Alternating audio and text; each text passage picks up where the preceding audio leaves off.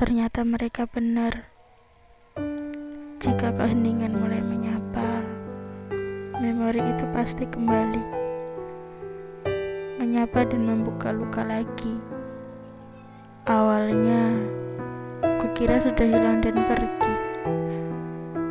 Luka yang seharusnya hilang setelah terobati. Tapi aku salah. Luka itu masih menganga. Luka itu butuh obatnya, tapi kenyataannya hanya kubiarkan terbuka dan hanya kulupakan untuk sementara. Tersenyum dan tertawa bisa dikatakan alibi yang kugunakan untuk menutupi. Namun saat sendiri, hati tak bisa dibohongi. Seolah menertawai semua alibi Memori itu terus menari-nari.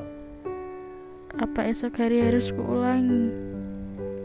Jika tidak, bagaimana caraku mengobati?